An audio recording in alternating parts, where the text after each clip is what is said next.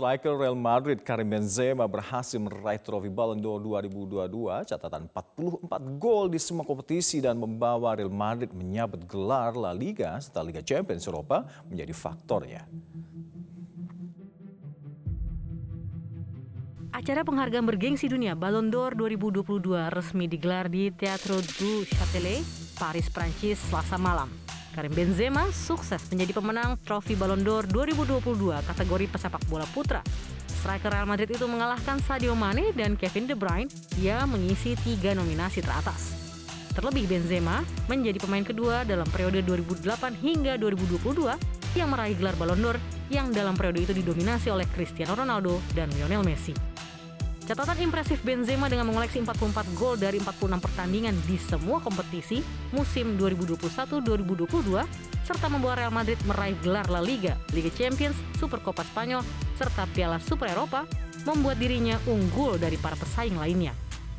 Ambisi untuk menjadi yang terbaik di level individu dan klub menjadi salah satu faktor capaian impresif tersebut.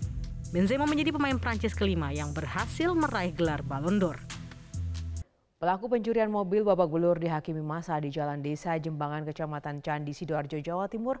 Pelaku sempat menabrakkan mobil curian ke motor warga, namun akhirnya pelaku berhasil ditangkap. Dalam video amatir terlihat pelaku pencurian mobil yang babak belur dihakimi masa sebelumnya mencuri mobil milik warga di kawasan perumahan Kahuripan Nirwana Village, Sidoarjo.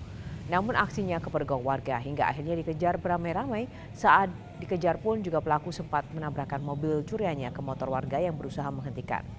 Pelaku yang panik kembali menabrak kendaraan mobil di depannya dan akibatnya bagian depan mobil ringsek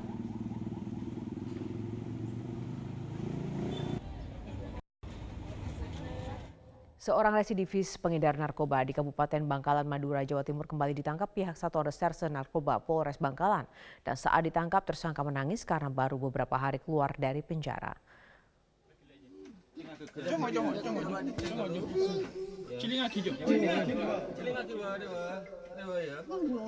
Seorang pengedar narkoba berinisial W, warga kecamatan Galis, Kabupaten Bangkalan menangis saat digerebek anggota Satres Narkoba Polres Bangkalan Tersangka menangis karena kembali ditangkap setelah beberapa hari keluar dari rumah tahanan. Tersangka sendiri merupakan seorang residivis dengan kasus yang sama ditangkap saat sedang berada di sebelah rumahnya. Dalam penangkapan tersebut tak hanya mengamankan barang bukti sabu-sabu dan timbangan elektrik, namun dari tangan tersangka pihak petugas juga mengamankan satu buah unit senjata jenis airsoft gun. Presiden Jokowi bertemu Presiden FIFA Gianni Infantino membahas penataan sepak bola nasional. Indonesia dan FIFA sepakat melakukan transformasi sepak bola nasional secara menyeluruh. Presiden FIFA Gianni Infantino tiba di Istana Merdeka disambut Menpora Zainuddin Amali dan Menteri BUMN Erick Thohir pada Selasa siang. Infantino lalu bertemu Presiden dan melakukan pertemuan secara tertutup membahas sepak bola Indonesia pasca tragedi ricuh di Stadion Kanjuruhan Malang 1 Oktober 2022 lalu. Dalam pertemuan singkat itu keduanya bersepakat melakukan transformasi sepak bola Indonesia secara menyeluruh dan memastikan semua aspek pertandingan berjalan sesuai dengan standar keamanan yang ditetapkan FIFA.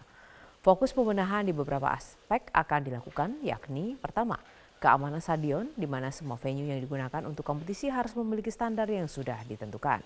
Kedua, pemerintah dan FIFA akan mengevaluasi para pemangku kepentingan persepak bolaan Indonesia.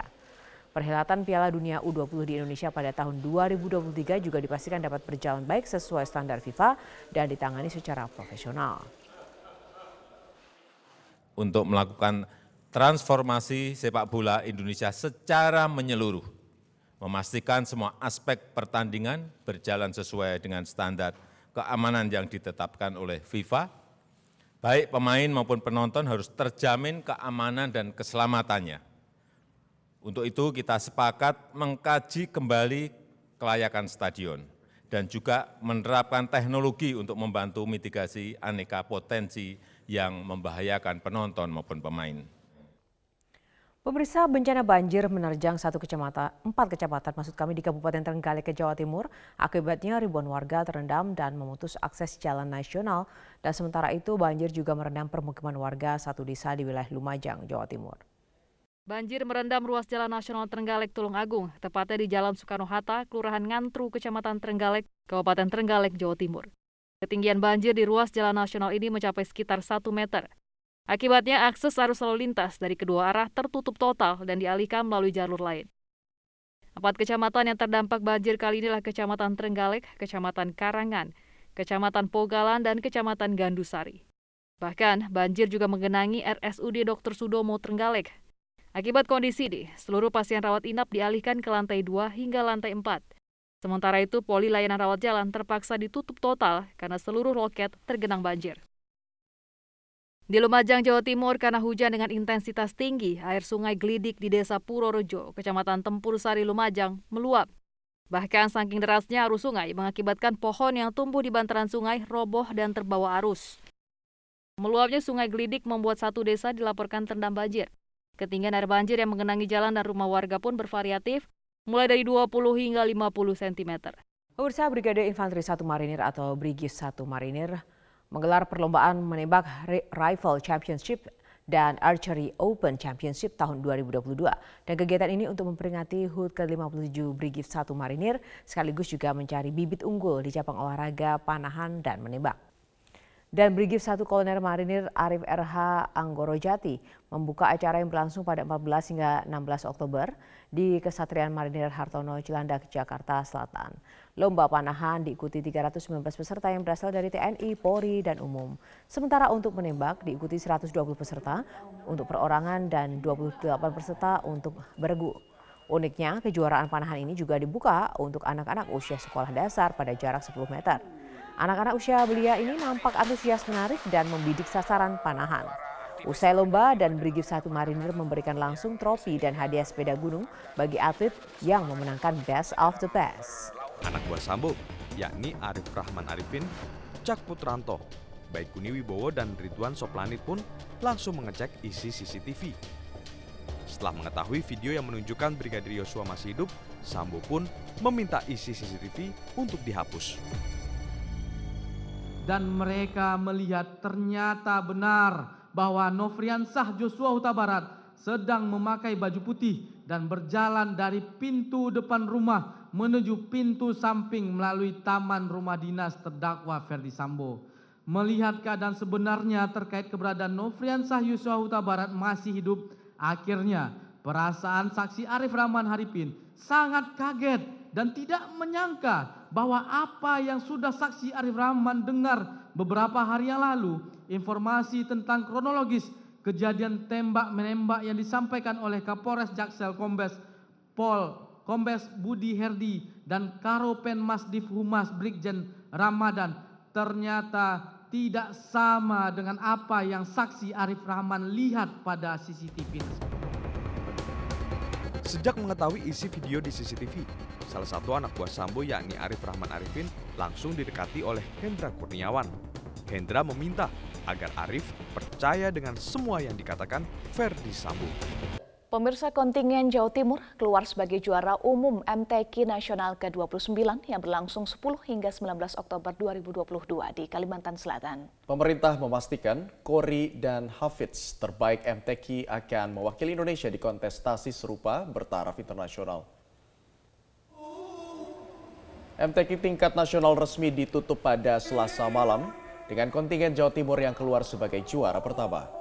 Direktorat Jenderal Bimbingan Masyarakat Islam Kementerian Agama Republik Indonesia, Kamarudin Amin menyebut telah membuat program berkelanjutan bagi Kori Korea dan Hafiz Hafizah yang terpilih dalam MTQ ke-29 ini.